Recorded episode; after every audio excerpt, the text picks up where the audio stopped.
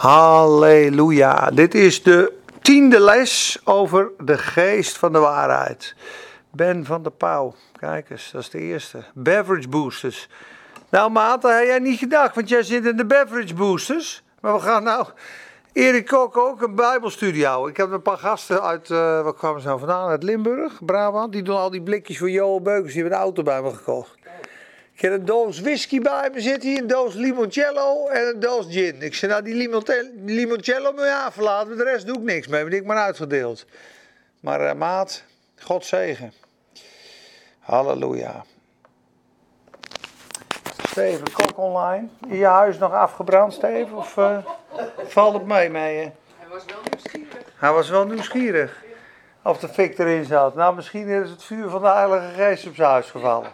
Laten we dat hopen. Ja, ik weet het niet. Ja.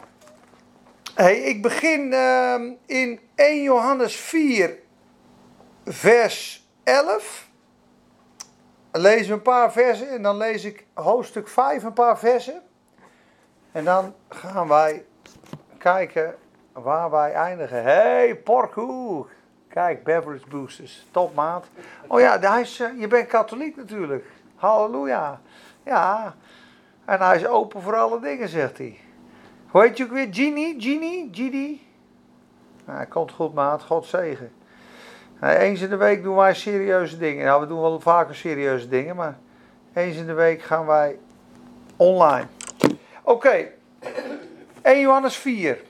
Geliefden, als God ons zo heeft liefgehad, behoren ook wij elkaar lief te hebben. Niemand heeft ooit God gezien of aanschouwd. Als wij elkaar lief hebben, blijft God in ons en zijn liefde is in ons volmaakt. Hieraan weten wij dat wij in Hem blijven en Hij in ons, omdat Hij ons van zijn geest gegeven heeft. Halleluja. En we hebben aanschouwd en getuigen dat de Vader de Zoon heeft gezonden als heiland van de wereld. Wie beleidt dat Jezus de Zoon van God is, God blijft in hem en hij in God. En wij hebben onderkend en geloofd de liefde die God heeft ten aanzien van ons. We hebben onderkend, hebben het gezien en we hebben het geloofd. De liefde die God heeft ten aanzien van ons. God is liefde. Wie in de liefde blijft, blijft in God. En God blijft in hem. Hierin is de liefde bij ons volmaakt geworden. Zodat wij vrijmoedigheid hebben op de dag van het oordeel. Want zoals Hij is, zo zijn ook wij in deze wereld. In de liefde is geen angst. Maar de volmaakte liefde drijft de angst uit. Want de angst houdt straf in. En wie vreest of wie bang is, is niet volmaakt in de liefde. Wij hebben lief omdat Hij ons eerst heeft liefgehad. Dat is het eerste stuk. En dan wou ik dus focussen op vers 13, 1 Johannes 4, vers 13. Hieraan weten wij dat wij in Hem blijven omdat Hij zijn geest aan ons gegeven heeft. Hieraan weten wij dat wij in Hem blijven en Hij in ons. Doordat Hij ons van zijn geest gegeven heeft. Daarom staat er ook natuurlijk, we hebben het onderpand van de geest ontvangen. The seal of the spirit. Wat is een down payment, een onderpand? Een pledge. Dus ik heb een huis van een miljoen. Ik geef u vast een ton. Ja? We leggen het vast. Je bouwt het af. Over tien jaar is de bouw klaar. Dan reken ik 9 ton af. We hebben een overeenkomst. De koop staat vast. Zo heeft Jezus ons gekocht en betaald. Heeft hij zijn geest gegeven als zegel en onderpand. En hij maakt ons af en mooi. Hij is aan het werk in ons. Hij maakt ons mooier en mooier en mooier en mooier. Totdat we tot het volmaakte beeld van zijn zoon geworden zijn. Hij die een goed werk in u begonnen is, zal het afmaken tot op de dag van Christus. En hij heeft ons zijn geest gegeven als onderpand. Tot de dag van de volle verlossing. Dan worden we verlost naar geest. Ziel en lichaam. Onze geest is al verlost. Dus bovennatuurlijk in één keer gebeurt, een nieuwe geest. Je ziel wordt verlost, elke dag. Je denken, je willen, je voelen, je grote bek, je trots, je hoogmoed, moeilijkheid. God doet weer wat. Nog een troosting. Die ziel wordt door moeilijkheden heen gered. En je lichaam, die straks wordt die ook gered. Je krijgt een nieuw en verheerlijk lichaam. Dus er is een drievoudige verlossing. De eerste is al klaar, de tweede is under construction. En de derde, dat is een belofte dat gaat komen. Dus we zijn gered, we worden gered en we zullen gered worden. is drievoudig. Wij weten dat we in Hem blijven. In God blijven en Hij in ons blijft. Doordat Hij ons van zijn geest gegeven heeft. Goed onthouden. Oké, hoofdstuk 5. Heel mooi stuk. Beginnen we in. Nou, laten we maar in vers 1 beginnen. Dat is mooi. Ja, vers 1 tot 8. Het geloof in zijn vruchten. Huizen roots. Ieder die gelooft dat Jezus de Christus is, die is uit God geboren. En ieder die hem lief heeft, dat is God de Vader, die geboren deed worden, heeft dus ook lief wie uit hem geboren is. Hij spreekt een beetje in cryptische taal af en toe, hè, die Johannes. Ook aan het eind van dit hoofdstuk zegt hij: er is een zonde tot de dood en er is een zonde niet tot de dood. Is allemaal een beetje vaag hoe hij dat soms beschrijft. Het is in openbaring geschreven, in uniek geschreven, onder de leiding van de Heilige Geest. Maar hij kan het, kijk, de Bijbel is ook apart. De zonen van Zebedeus. De zonen van Zebedeus. Dat, dat staat er op een gegeven moment ook. Weet je wel, de zonen van Zebedeus. Dan denk je, ja, je kunt ook gewoon uh, rechtstreeks praten. Dat is, uh, dat is Johannes en Petrus. Nee, het waren de zonen van Zebedeus. Maar goed, in ieder geval, vers 2. Hier, ehm, ja, hieraan weten wij dat wij de kinderen van God lief hebben. Wanneer wij God lief hebben en zijn geboden bewaren. Want dit is de liefde tot God dat wij zijn geboden in acht nemen. En zijn geboden zijn geen zware last. Want al wat uit God geboren is, uit God geboren door de Heilige Geest, overwint de wereld. En dit is de overwinning die de wereld overwonnen heeft, ons geloof. Wie anders is het dan die de wereld overwint, dan hij die gelooft dat Jezus de Christus is. Dat Jezus de Zoon van God is. Hij is het die kwam door water en bloed. Hij is gedoopt, hij is naar het kruis gegaan. Jezus de Christus. Niet door water alleen, maar ook door het bloed. Maar door water en bloed. En de geest is het die getuigt getuigt. Let op, dan komt hij. Omdat de geest de waarheid is. Zegt de Bijbel heel mooi. Omdat de geest de waarheid is. Alles wat niet van de Heilige Geest is, is niet de waarheid. En er staat omdat de geest de realiteit is. Dus alles wat de Bijbel schrijft, als je dat niet ziet in je leven, kan het zijn dat we dat toepassen in eigen kracht, zonder de gemeenschap en de relatie met de Heilige Geest. Daarom zegt een goede gebedsgenezer ook, hij zegt luister, als jij tegen een ziekte spreekt, kanker verdwijnt in de naam van de Heer Jezus Christus. En dat is onder influence of the Holy Spirit. Als dat geleid is door de Heilige Geest, dan moet die kanker wijken, wijken. Want het is God zelf die door jou heen spreekt. Maar je snapt zelf wel, als je in eigen kracht, zonder de Heilige Geest, de naam van Jezus roept: kanker ga uit, kanker ga weg. Dan gebeurt er niks. Daarom zien heel veel mensen geen genezing. En ze zeggen: het lukt niet, God doet het niet. Nee, je moet wachten tot God het door je heen spreekt, samen met God. De Heer Jezus Christus geneest u, zegt Petrus in Handeling 8. Eneas, Jezus Christus maakt u gezond. Sta op en wandel. En toen Paulus zag dat de man geloof had om genezen te worden, zei hij, hij zag het, hij ziet het. Sta op uw voeten. Dat is allemaal God door hem heen.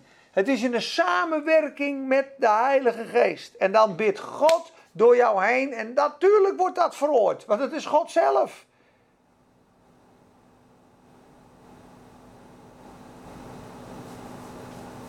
Staat in de Bijbel ook, hè? Matthäus 17. Mooi. Die, die, die discipelen met de maanzieke knaap. Ik heb uw discipelen gevraagd om mijn zoon, om die demonen uit te werpen, maar zij konden het niet. Terwijl aan het begin van dat hoofdstuk, in Lucas 9 en Matthäus 17, zijn exact dezelfde hoofdstukken parallel, alleen iets anders beschreven. Aan het begin van Lucas 9 staat er: Jezus gaf hen macht over alle demonen. Alle demonen. Dus ze hebben de macht. In hoofdstuk 17 komen ze bij die maanzieke knaap. Daar staat epileptic in het Grieks, maanziek. Als de maan is, begint hij te schuimen en dan gooit hem in het vuur. Dat was een epileptische aanval. En ze stonden boven dat lichaam te reden twisten. En die vader komt huilend naar Jezus toe. Ik heb mijn zoon bij uw discipelen gebracht, maar zij kunnen hem niet genezen. Dat hadden we vandaag de dag mee kunnen maken. Nou gezegd, ja, dat zie je, dat is toch niet Gods wil. Want ja, we hebben met negen man hebben eromheen staan bidden. En we hebben schreeuwd. En we hebben daar, dan moeten we het loslaten. Maar nou komt Jezus. Breng hem hier. Hoe lang moet ik u nog verdragen? Ongelovig geslacht. Ik geef ze gewoon op de sodemieter. Breng hem hier. En hij bestrafte de geest. En hij schudde het kind hevig, zodat hij als een dode werd. En hij liep naar het lichaam en gaf hem terug aan zijn vader. En hij zei tegen die vader: Indien gij gelooft, alle dingen zijn mogelijk voor wie gelooft. Heer, kom mijn ongelovigheid te hulp. Ik geloof, kom mijn ongelovigheid te hulp. En het gebeurde. Was het de wil van God dat die jongen bevrijd werd? 100%. Gebeurde het? Nee. Wat was de reden? Ongeloof. Van wie? Van, uh, zonder de heilige Van de discipelen. Van de discipelen. Maar wat doen wij vandaag de dag? We geven de zieke de schuld. Die zieke knaap. De epilepsie. Ja, hier geen geloof. Hier de epilepsie, geen geloof. Wil je naar beneden? Schuiven het ook nog eventjes af.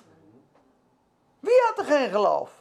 Degene die moesten bidden. Die ben door Jezus weggezonden met de Heilige Geest. U hebt de macht over alle demonen.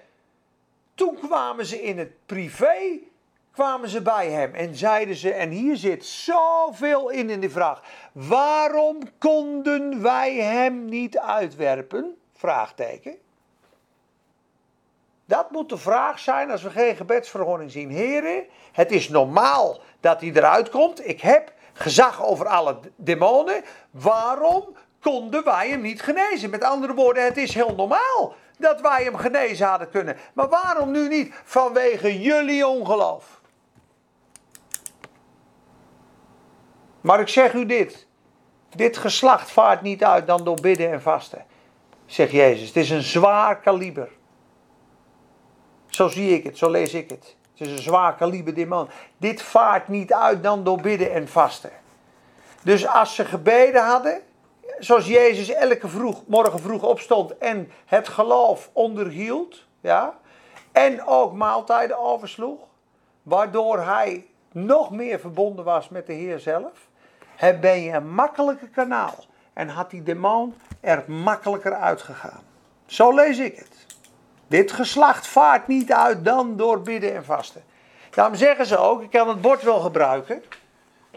Met bidden en vasten, als het christelijk geloof dit is, een driehoek, dit pak je altijd. Met normaal geloof, maar met bidden en vasten pak je die piek ook, zeggen ze. En af en toe moet je gewoon stil worden voor God en een maaltijd overslaan elke keer alleen water of geen uh, social media. En dan gewoon twee dagen met God gaan focussen in het bos. Die tekst. Ik wil dieper. Ik loop hier tegenaan. Ik wil dieper. Ik wil dieper. Ik wil dieper. En dan komt er een moment dat God je van aangezicht tot aangezicht en eens een doorbraak geeft. En eens hij geloof. En dan kan je spreken tegen bergen. En de berg wijkt. En ik heb het wel eens meegemaakt, dan kom je in een modus, Marjan. Dan word je bang wat je zegt. Dan krijg je gevoel, alles wat ik nu zeg gebeurt. Alles wat ik nu zeg, dat gebeurt gewoon in de naam van de Heer Jezus. Want dan ben je zo vol en zo één met God. En daar wil God ons naartoe brengen. En dat is als je dus zo één met God bent, dat jij in Hem blijft en Hij in jou. En de geest is de waarheid. De geest is de realiteit. Die maakt wat hier staat. Het is geen letter. Het is leven. We spreken en het is er.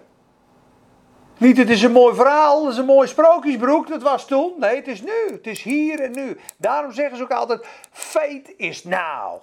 Geloof is nu. Opwekking is nu. Er is nu geen veroordeling voor die in Christus zijn. Niet volgende week.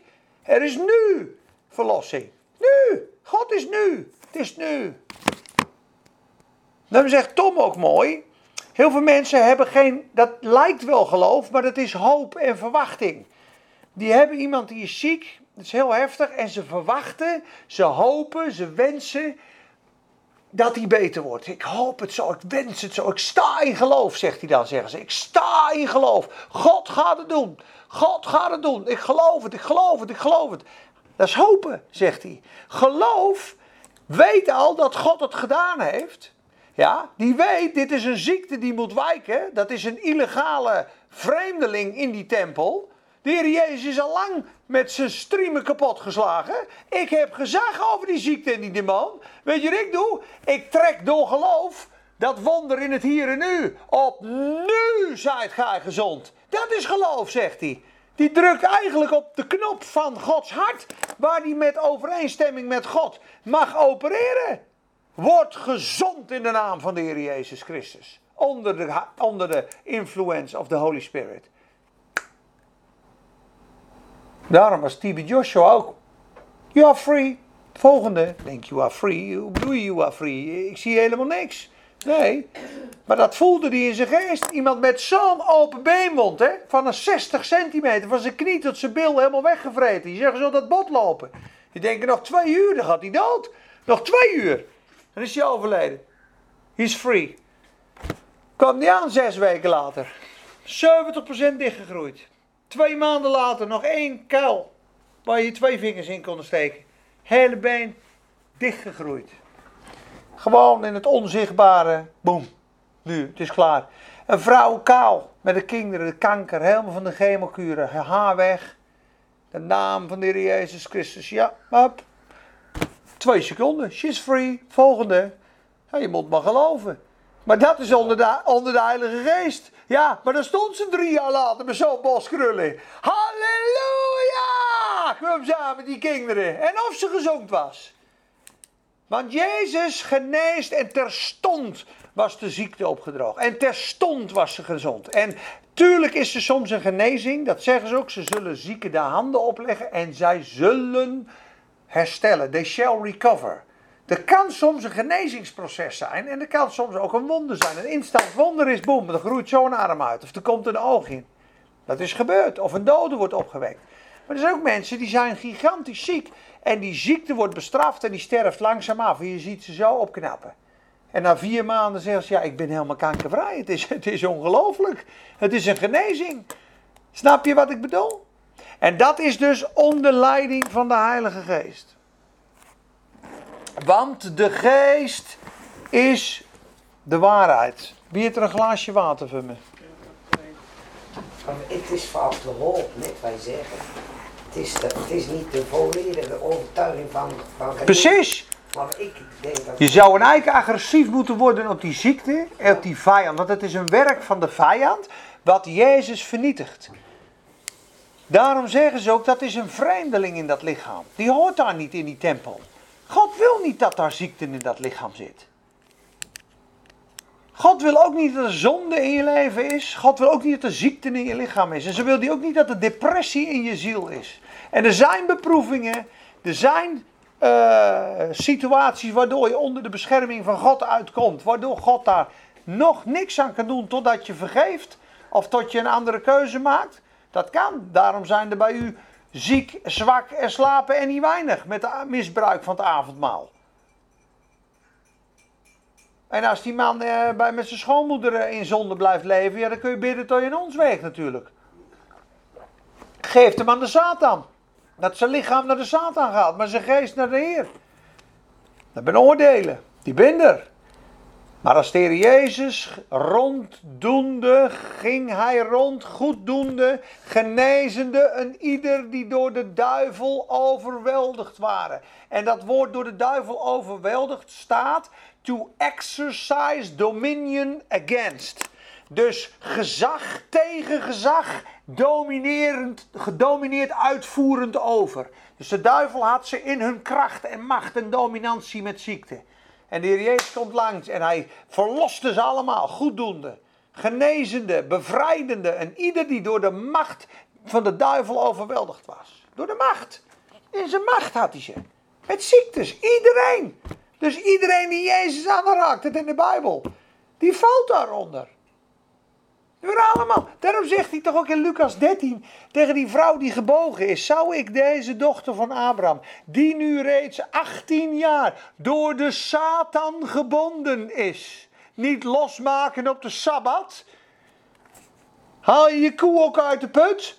Op zondag, dan doe je toch ook een koe in de sloot vallen op zondag, huigelaar. Zou ik haar niet losmaken dan, die een dochter van Abraham is, welke de Satan nu 18 jaren gebonden heeft? Wie zat er achter de ziekte? Satan. Zo is het. Satan zit achter ziektes, mensen. Ik heb nog een vraag. Ja. Eh, jij zei de TB Joshua die zag dat aan, hij is gezond, oh you're free. Maar zag hij dat dan in zijn geest? Ja. Voelt hij Ja, dat dan? ja. If you can see the invisible, you can do the impossible. Hun hebben een check in hun geest, een, een release. En dat voelen ze in die overeenstemming met God. Daarom is het ook een woord van kennis. Als iemand dan bijvoorbeeld eh, daar was, dan zei hij, haal je vrouw eens. Ja, ik heb geen vrouw. Nee, dat klopt, zegt hij. Want jullie zijn al drie maanden uit elkaar. En het huis is ruzie en daar staat en daar staat. En dat, dat zag hij. Dan zaten mensen met een open mond te kijken. Dat vond hij de normaalste zaak van de wereld. Hij zei, denk je dat, ik zie alles in de geest. Dus pakte die man, denk je dat ik niet weet dat je David hebt en dat je paspoort in je rechterzak zit? Denk je dat ik dat allemaal niet weet? Maar daar, daar heb ik niks aan, daar heb jij ook niks aan. Maar wat je wel wat aan hebt, is dat jullie geen kinderen kunnen krijgen. En dat ligt hier en hier aan, zegt hij. Want u hebt geen spermacellen in uw dingen. Dat komt daar en daardoor. Paats, het was gewoon een, een dokter die in de geest zag. Ik dacht wel eens, hij geneest met het gemak zoals ik broodjes op de markt klaarleg. Zoals iemand komt, mag ik twee pistoletjes. Oké, twee pistoletjes. En een halfje brood. Drie bokkenpalten. En twee gevulde koeken. Alsjeblieft, halleluja. 8,50 euro. Met dat gemak was hij gewoon aan het werk. Dat is gewoon hoe God aan het werk was. 400 man, 10 rijen. Hè? 4000 elke zaterdag. 4000 man. Gezond, gezond, gezond. Gewoon Gods kracht. Maar dat kan alleen maar onder de influentie. Hoe is dat mooi? On, wat, wat, wat is een mooi Nederlands woord? Onder de beïnvloeding. Onder de beïnvloeding van de Heilige Geest. Als Gods Geest door jou heen vloeit, is niets onmogelijk. Want dan doet Hij het zelf. Ja. En de geest is het die getuigt, omdat de geest de waarheid is. Want drie zijn er die getuigen in de hemel: de Vader, het Woord en de Heilige Geest. En deze drie zijn één.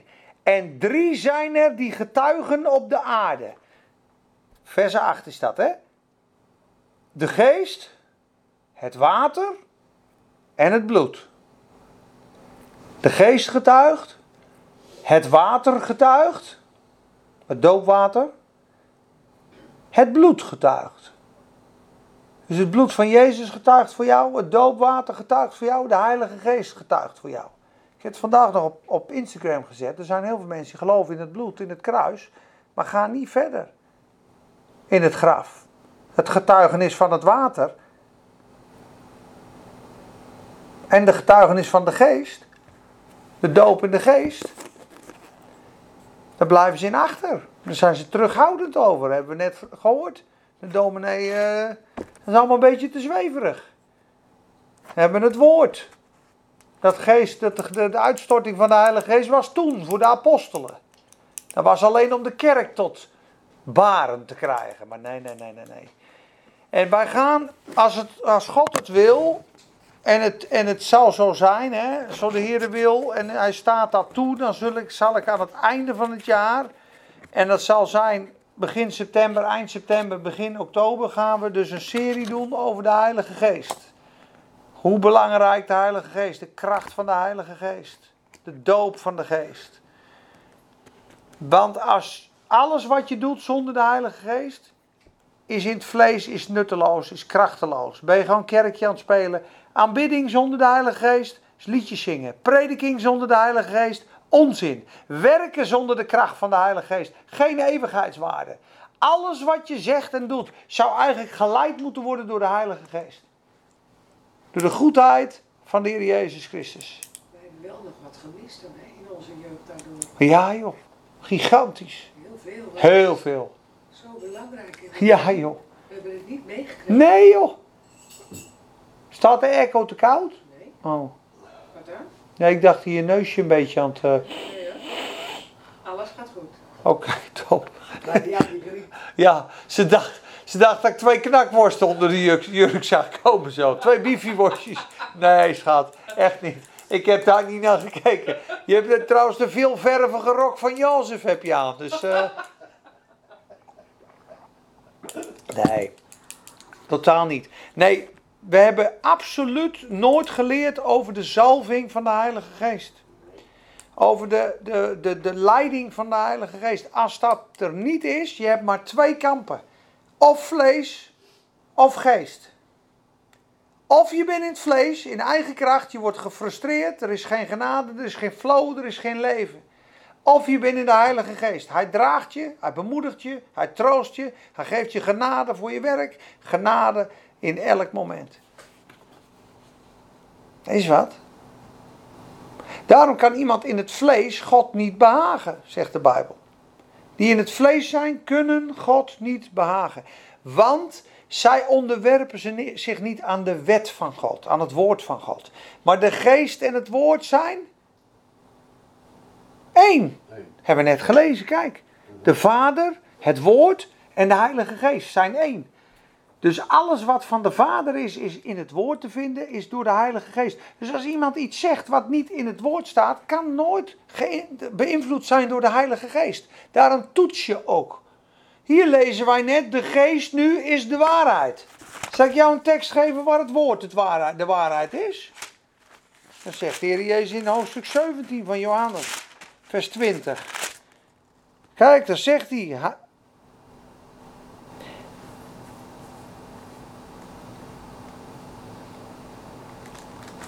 Even kijken. Oh, vers 17, sorry. Heilig hen door uw waarheid. Uw woord is de waarheid. Zegt de Heer Jezus. Nou, we lezen net. De geest nu is de waarheid. Het woord nu is de waarheid.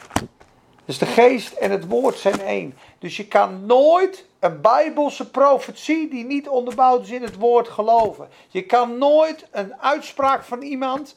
Ik noem maar wat, ik zal even een voorbeeld geven. Iemand, dat was een prediker, dat tackle je gewoon. Die zei, ja, het Nieuwe Testament begint bij Marcus 1. Want kijk, hier staat het Nieuwe Testament. Dit, dit zo hier. Het ging dan over zijn profetische gaven en over Johannes de Doper. Kijk, hier begint het Nieuwe Testament, zegt hij. Kijk, en dan gaan we naar Marcus 1 en dan zegt hij. Dat is het begin van het evangelie van Jezus Christus. Dus hij zegt, ja, dus Johannes was een nieuwtestamentische profeet en niet een oud-testamentische.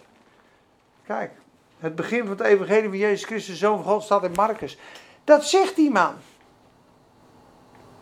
Lijkt heel onbelangrijk, maar het nieuwe verbond, hoorde ik van andere prediker, wanneer begint het nieuwe verbond? Het nieuwe verbond begint op de dag van Pinksteren. En toen het Pinksterfeest volledig vervuld was, waren ze alle bij elkaar in één plaats. En plotseling kwam er een windvlaag uit de hemel en de Heilige Geest vulde hen allen. Werden ze wedergeboren. En als je dan leest in Galaten, Jezus is geboren onder de wet, opdat hij verlossen zou degene die onder de wet waren. Dus toen Jezus op aarde was, was hij onder de wet. En toen hij stierf aan het kruis, lees je in Hebreeën 9, het testament is pas van kracht als er iemand sterft. Jezus is gestorven, dan is het pas van kracht. Ja, er moet eerst iemand sterven. Hij heeft ons verlost van de wet door de sterven aan het kruis. Verlost van het oude verbond zijn we.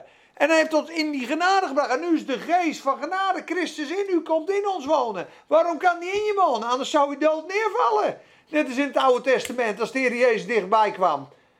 In, in het heilige der heiligen. Als die zonde na zat het touw aan zijn voet. Moesten ze hem terugtrekken, 20 meter. Als er nog maar één spoor van zonde in je zat, had de Heilige Geest nooit in je kunnen komen wonen. Hij heeft jou gewassen. Hij heeft je prijs betaald. Je hebt geloofd. En God heeft jou verzegeld met de Heilige Geest. En zegt, jij bent volkomen vergeven. Opnieuw geboren. In jou neem ik woning en intrek. Jij bent van mij en ik ben van jou. En de geest van het nieuwe verbond Kun je tackelen. is valse profetie. Je zegt dingen die helemaal niet zijn. Volgens de openbaring van het woord. En zo kun je dat natuurlijk ook zien met, met, met, met polygamie. Jozef Smit. Meerdere vrouwen. Dat is een vereiste om in de, in de hemel te komen. Maar hebben ze er zelfs van gemaakt. Ja, wat denk je? Ik zag onderlaatst gewoon een... Uh, een documentaire, een bloedserieuze lieve jongen. En, en serieus met die Bijbel. En een meid had hij naast hem. Ja, dat is mijn vrouw, maar ja, ik moet meerdere vrouwen hebben, anders kom ik niet in de hemel, dan, dan ga ik verloren. En ik heb nog niet een, een tweede en een derde. Ik denk, moest kijken hoe misleid, hoe misleid kun je worden door die Satan. En wat zegt het woord? Omwille van de hoererij moet iedereen zijn eigen vrouw hebben. Man en vrouw schiep hij hen. En nu ook twee mannen met elkaar. Is niet te rijmen in het woord, jongens. Kan nooit van de Heilige Geest zijn. Dus het woord en de geest zijn altijd samen. Dat was ook waar we ook mee begonnen, hè, met die Johannesbrief. Als om je geheugen op te frissen. De Johannesbrief heeft die kernwoorden. Licht, als je in het licht wandelt, hebben wij gemeenschap met God en ervaren we het leven. Als je niet in het licht wandelt, maar in het duisternis, haat je je broeder. Zie je de liefde, het licht, het leven, de liefde, het woord en de geest waren allemaal één. Hij was dat aan het beschrijven in hoofdstuk 1. Wat de waarheid is, wat het woord is, wat het licht is. En het licht was het leven der mensen. Zo ging het, hè?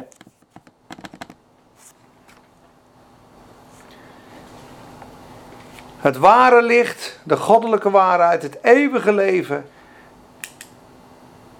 De goddelijke liefde, het levende woord en de Heilige Geest. Dat is het koninkrijk. En wat staat er tegenover? Alle werken van Satan. Het duister, de leugen, de dood, haat in plaats van liefde, deception, misleiding in plaats van de leugen, de geest van error en de spirit of deception, Satan, de wereld. Als je in de wereld zit, zit je in de duisternis. Zit je in de leugen, zit je in de dood. Hebben mensen niet in de gaten, want ze staan op een festival met een drankje. Hoe bedoel je dood? We zijn niet dood. Maar ze zitten in het koninkrijk van de Satan in het duister. In de misleiding. Hatende elkaar. Want ook wij waren eens misleid. Ken je dat stuk in Titus 3? Je moet eens lezen. Hoe wij vroeger waren. Ik zei tegen iemand, die was toen, uh, toen was ik uh, bomenverkoper, of weet ik veel wat ik toen verkocht. Die zat uh, achter zijn computer, die hield van feestjes. En toen had hij een berichtje van zijn maat gehad. Moet hij wat zachter? Nee, maar ik zat daar een beetje dicht onder. Dus ja. Die had een berichtje van zijn maat. Die zei, wij zijn de duivels op de dansvloer. Ik zei, op zo'n party. Ik zei, ja. Jullie denken dat de, dat de hel een feestje is. Ik zeg maar, dat is, de hel is geen feestje mensen. De hel is een plaats van pijniging. Waar, de, waar een vuur, een vlam niet dooft en een worm niet sterft. Word je voor eeuwig voor de wormen aangevreten en de, en de, en de vlammen sterven. Doven niet. Het eeuwige vuur, de eeuwige wraak. Mensen denken dat ze een biertje gaan drinken in de hel of zo. pingpongen met de Satan met twee, met twee tabletten op. Nee, in Titus staat het heel mooi hoe wij waren voordat we tot God kwamen. Want ook wij waren voorheen onverstandig, ongehoorzaam, dwalend, verslaafd aan allerlei begeerten en hartstochten, levend in slechtheid en afgunst, hatelijk en elkaar hatend. Ik zei het tegen die jongen met die bomen. Ja, klopt wel, zei hij. Klopt wel, klopt wel. Ik zei, zo waren de mensen. Ik zei, daar leef je. Maar toen de goede tierheid van God, onze zaligmaker, en zijn liefde tot de mensen verschenen is, maakte hij ons zalig.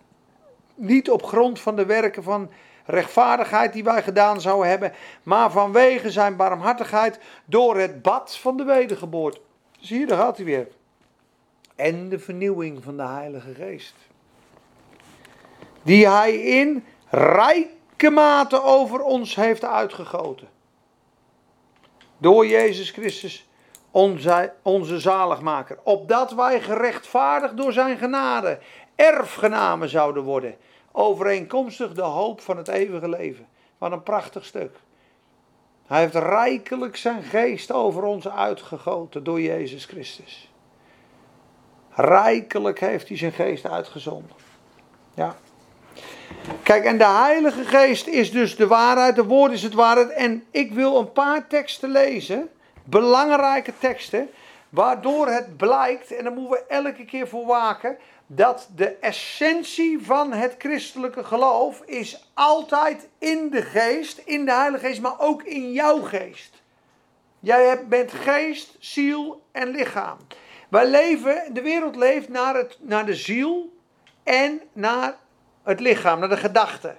Doende de dingen van de gedachten en wat lazen we net? De hartstochten, verslaafd aan allerlei begeerten. Mijn, vle- mijn lichaam en mijn ziel bepalen wie ik ben en wat ik doe. Ja? Maar wij moeten geleid worden door de Heilige Geest en die zit in onze geest. Daarom ervaren we God vaak niet, vaak niet, ervaren we God niet als we in het vlees zijn. Sta in de kerk in de aanbidding, ik ben moe. Wat zegt de stem van je? Ik heb geen zin. Wat vervelend het daar, die stinkt ook uit zijn bek, hé. Die is zijn haar niet kant. Ga ik maar op bed blijven liggen. Dan komt de Satan met zijn aanklacht. Ja, maar je hebt wel een, week hier gehad hoor. Staat ze hier hoor. Nou, nou, nou. Moet een hypocriet jij. Dat is de stem van je lichaam. Dan komt de stem van je ziel nog. Je emoties. Ja, voel me toch niet lekker. Voel me niet dit. Voel me niet dat. Nee, nee, ja, ik weet het niet. Maar in de geest, jouw geest, in jouw hart. God heeft de geest in jouw hart uitgezonden. Die roept Abba Vader. Dus toen zei iemand, weet je dat jouw geest op dit moment voor de troon van God staat te zingen? En als je dan die knop omzet en zegt, Heer, maar hoe ik mij ook voel, wat ik ook denk, ik loof u, ik prijs u, ik strek mij uit naar u, ik strek mij uit naar u. Wat ik ook denk of voel, er is geen afstand tussen u en mij. Er is geen afstand. Ik ben één met hem. In de geest is het realiteit. En ineens valt het van je af. De leugens. En ineens beginnen te stromen. En ineens is het leven daar. Want de genade is met uw geest, zegt de Bijbel. Kom maar eens naar Galaten 6, vers 18. Laatste vers van Galaten.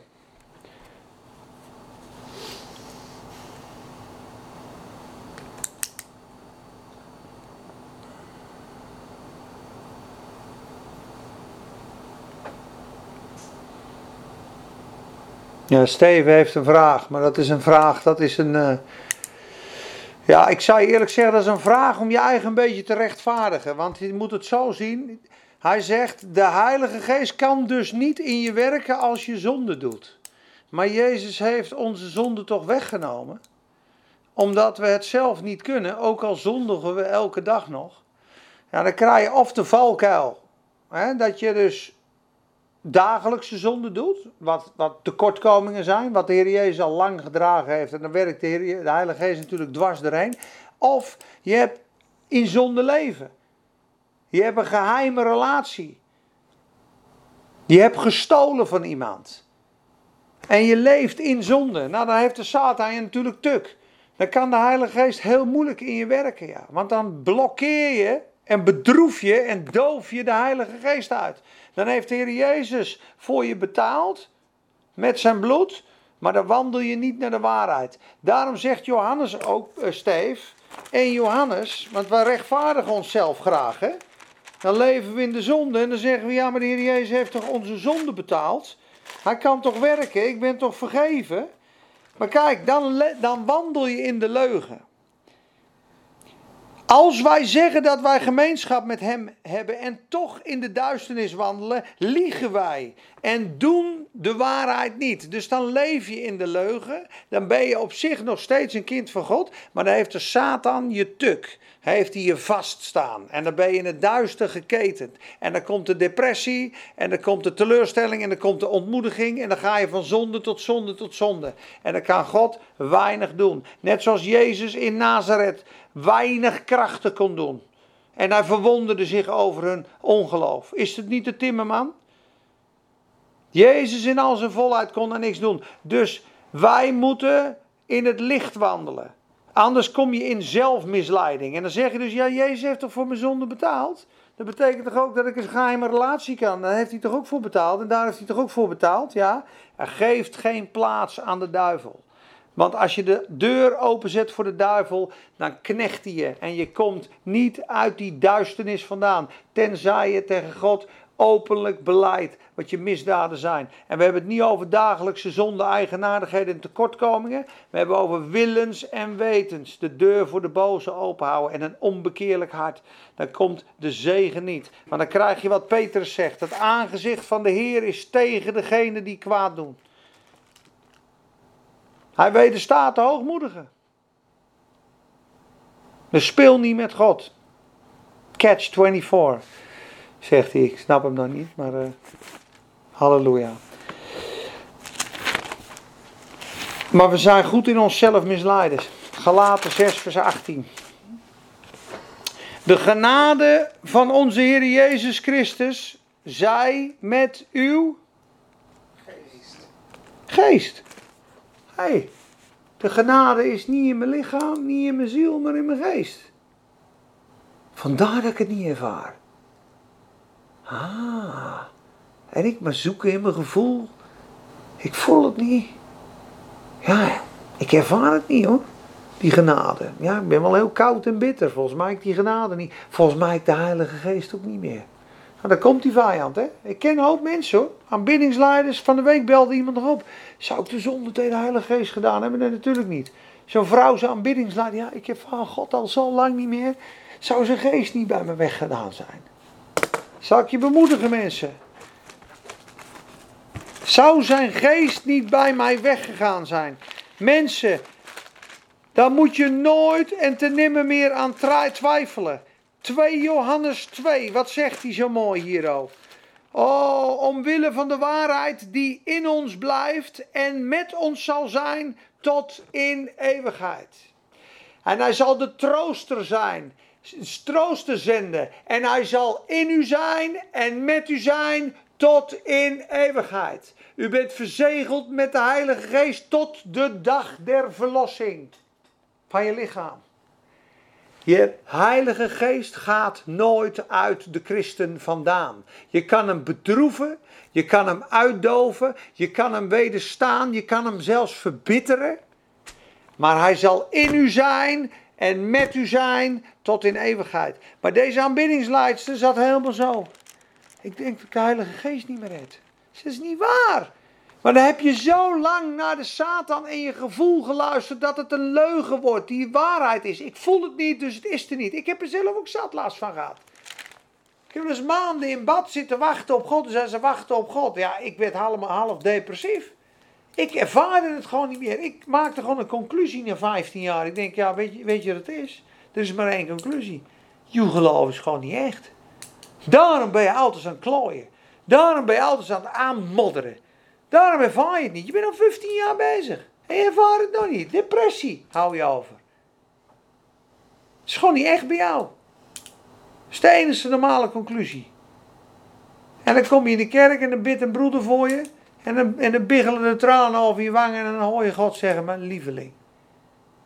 lieveling.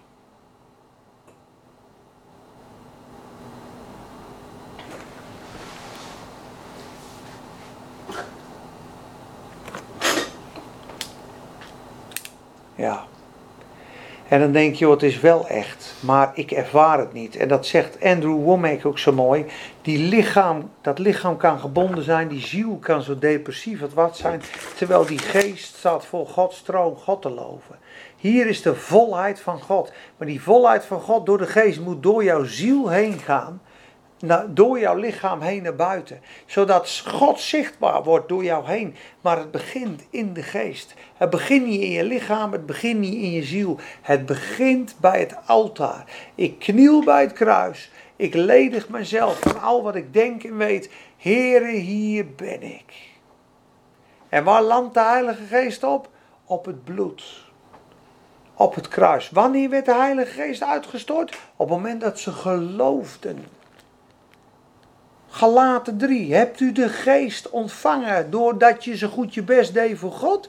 Of doordat je geloofde wat er door mij, Paulus, gepreekt werd? Bent u zo dom? Gaat u nu in het vlees verder? Terwijl u in de geest begonnen was?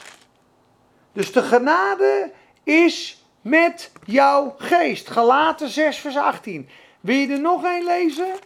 Dit zijn rijke teksten, die gaan je hele leven mee. Filemon, in het einde van je Bijbel staat Filemon. Naast, na Hebreeën volgens mij is Filemon, of na Jacobus. Na Jacobus zit Filemon, of niet? Nee. Voor Hebreeën. Voor sorry. Je hebt helemaal gelijk. Filemon is een brief aan een gemeente aan onze broeder Filemon, de geliefde medearbeider, vers 1. En Appia, de geliefde, en Agrippus, onze medestrijder. En aan de gemeente die bij u thuis samenkomt. Het was gewoon een klein kerkje bij iemand thuis. Genade zij u vrede van God onze Vader. Nou, hij heeft een hele brief geschreven. Kijk eens in het laatste vers.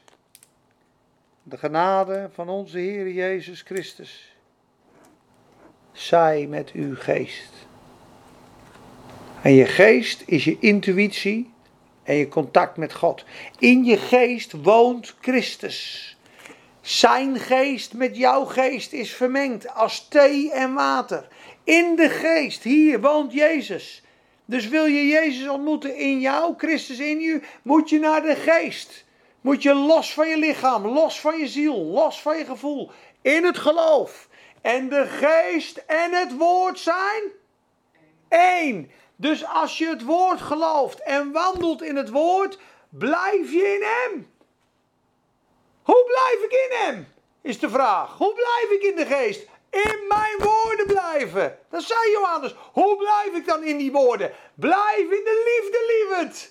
Hoe blijf ik in de liefde? Blijf in het licht, lieverd. Blijf in de waarheid. Blijf transparant naar God. Blijf in het woord, blijf in de liefde. Dan blijf je in de waarheid, dan blijf je in mij, dan blijf je in het leven. Dan stroomt het, dan stroomt het, dan stroomt het. In het woord blijven is in de geest blijven. In de geest blijven is in de liefde blijven. In de liefde blijven is in de waarheid. Dan ben je niet misleid. Dat is wat hij beschrijft. Die Johannes. Die hele Johannesbrief is over dat gemeenschappelijke leven met God dat geheimenis. Hoe doe ik dat dan? Blijf in mij. Hoe dan? We hebben het gelezen. Blijf in het woord. En dat doe je met je geest. Daarom zegt Tom ook heel vaak heel mooi: je moet pakken met je geest wat je met je verstand leest, zegt hij. Wat je leest, mensen zeggen: ja, dat hoofdstuk heb ik al gelezen. Oh ja? Hij heeft al gelezen, ik heb het 160 keer gelezen. En ik pak het nog niet helemaal met mijn geest. Want wat hier staat is zo bovennatuurlijk, dat kan ik helemaal niet aan. Maar in de geest heb ik gezag over alle demonen. Je hebt gezag over alle demonen. Ik bid voor die demon, hij gaat er niet uit. Nou, dan komt hij. Dan gaat je lichaam. Ja, gebeurt niet, zie je dat? Zou de zonde wezen? Zou het dit wezen? Zou de duivel wezen? Ja, ik voel het in mijn lichaam. Dan komt die strijd. Maar ik heb het 140 keer gelezen. En God heeft het me laten zien. Mijn geest, met zijn geest, Zeg, kom uit in Jezus' naam. En dan ziet die demon. Er zit Jezus in zijn stem. Er zit zalving in zijn stem. Die, ik zie geen Peter. Ik zie geen Anita. Ik zie de Heer Jezus. Dan moet hij gehoorzamen. Dan vliegt hij de kant op. Wederstaat de Satan. Onderwerpt u aan God. En hij zal van u wegvluchten. De Satan vlucht weg zodra je onderwerpt aan God. Want dan komt God ten tonele. En dat is volhardend geloof. Ik zie het niet, ik voel het niet, maar we spreken het. God heeft het gezegd in zijn woord. God kan niet liegen. We spreken, het zal geschieden. En twijfel je, dan breek je de twijfel. Want luister, dat deed die Tibi Joshua trouwens ook, hè? Want de Heer Jezus zegt tot wie tot deze berg zegt: Rijs u op en werp uzelf in de zee en in zijn hart niet twijfelt, maar gelooft dat wat hij zegt gebeuren zal. Het zal gebeuren. Ik heb een gebed wel eens gehoord dat hij zei: Wij bestraffen die twijfel in dat hart. Want ik denk, ja, je zal maar twijfel hebben. Ja, ik bid tegen die berg, maar ik heb twijfel. Ja, maar in zijn hart niet twijfelt, in zijn geest niet twijfelt. If there's any weakness, zwakte in die geest, I rebuke it. En ik geef het aan Jezus. In my weakness, become my strength. Ik denk, nou, je tackelt hem gewoon, joh. Je haalt gewoon die twijfel eruit door een gebed van nederigheid naar God. Ik denk, dat is makkelijk. Ik zit altijd te, die twijfel moet eruit. Je moet meer tekst, je moet meer dit, je moet meer dat. En die twijfel, die twijfel kan er zitten. Heer, kom een ongelovigheid op. Heer, ik twijfel. Hij gaf het aan de Heer. Komt bij een dood lichaam. Weet je wat hij bad? Bij het dode lichaam. Ik vergeet nooit meer. Geef genoeg genade om hem op te wekken. Ik denk, nou, hoe simpel is dit? Hij doet niet stoer.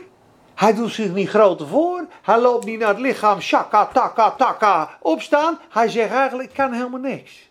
Geef genoeg genade om hem op te wekken. Hoe klein kan je worden bij God? Heer, ik heb het niet. Mag ik genoeg genade om hem op te wekken? Want u geeft, you give grace for all we face. Lord Jesus, by your spirit. En die loopt naar het lichaam toe, pakt zijn hand. Rise again, rise again. Staat op YouTube hoor. Twee minuten. Hop, dan zit hij weer in zijn lichaam. Zulke kringen net die jongens ogen. Van een ladder afgevallen met de bouw. Like stijf komt hij binnen. Hersendood, bloed gestold, hart niet meer kloppen. Moet je even over nagaan. En wakker weer. Mooi hè? Geef genoeg genade om hem op te wekken. Hoe simpel kan je het hebben, jongens? Nou goed, ik had er nog een paar, want 2 Timotheus 4 vers 22 zegt, hoe lang zijn we alweer bezig? We zijn alweer aardig lang bezig, hè jongens. Frontrunners, kijk ook maar jongens, dat is wel top. Hey, faith preaching, huppakee. Lekker. Oh, halleluja. Maar 2 Timotheus 4 vers 22 zegt, de Heer Jezus Christus zij met uw geest. Om het maar even te benadrukken. De genade zij met uw geest. De genade zij met uw geest, broeder. De Heere Jezus Christus zij met uw geest, zegt hij daar. 2 Timotheus 4, vers 22. is de allerlaatste brief van Paulus. Schreef hij uit de gevangenis toen de hele kerk gedegradeerd was. Geeft hij drie injecties aan die gedegradeerde kerk.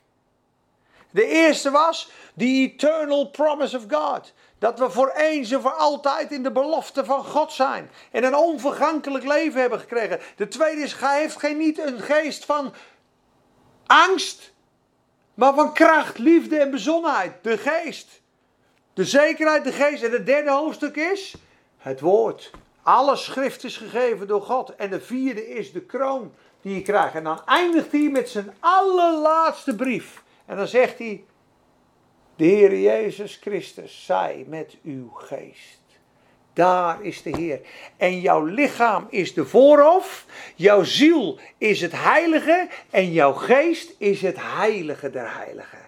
waar de Heer Jezus spreekt tussen de ark en het altaar en de gerubs en de, waar de rook was. En als die zegen kwam op die priester gingen ze belletjes rinkelen. De glorie is uitgestort. En wat hadden ze dan? Een jaar lang feest.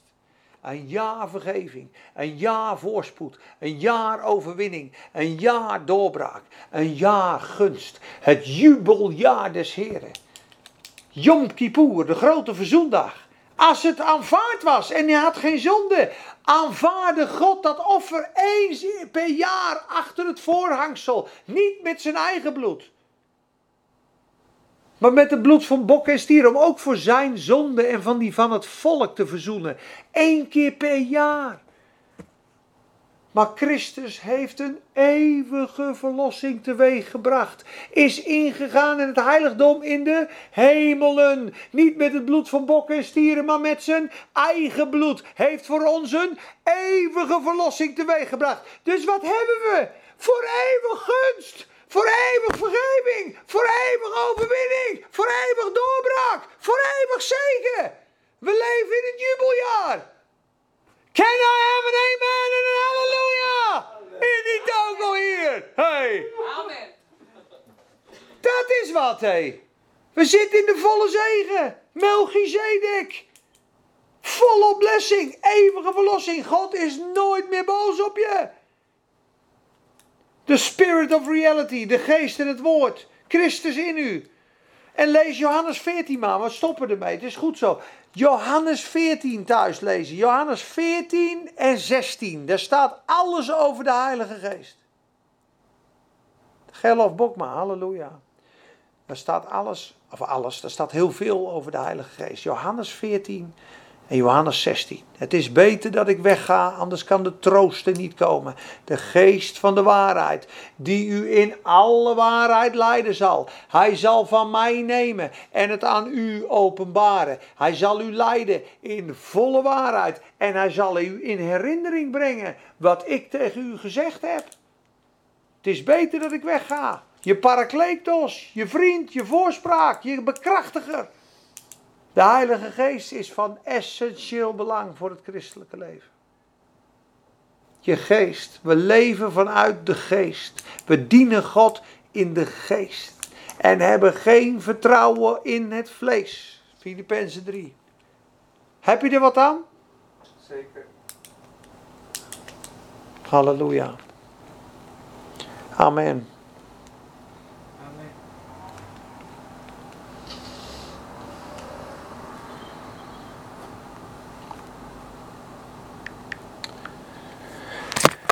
Amen.